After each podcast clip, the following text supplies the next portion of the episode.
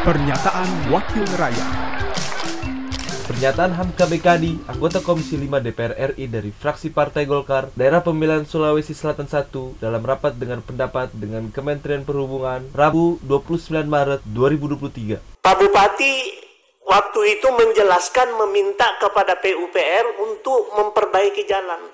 Boleh-boleh saja diperbaiki, tetapi selesaikan masalah hulunya dulu. Karena tidak sedikit jumlah biaya yang harus keluar.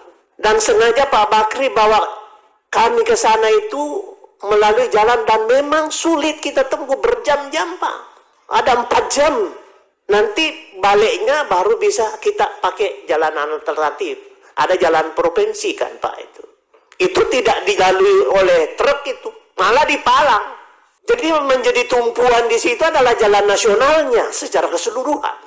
Ini aneh Pak. Ada jalan alternatif kok. Jalan provinsi, Malah ada pemalangan di situ, di Palang tuh tidak bisa truk masuk. Ada portal. Saya lihat sendiri Pak Gubernur. Pernyataan Hamka Bekadi, anggota Komisi 5 DPR RI dari fraksi Partai Golkar, daerah pemilihan Sulawesi Selatan 1, produksi TV dan radio parlemen, Biro Pemberitaan Parlemen, Sekjen DPR RI. Pernyataan Wakil Rakyat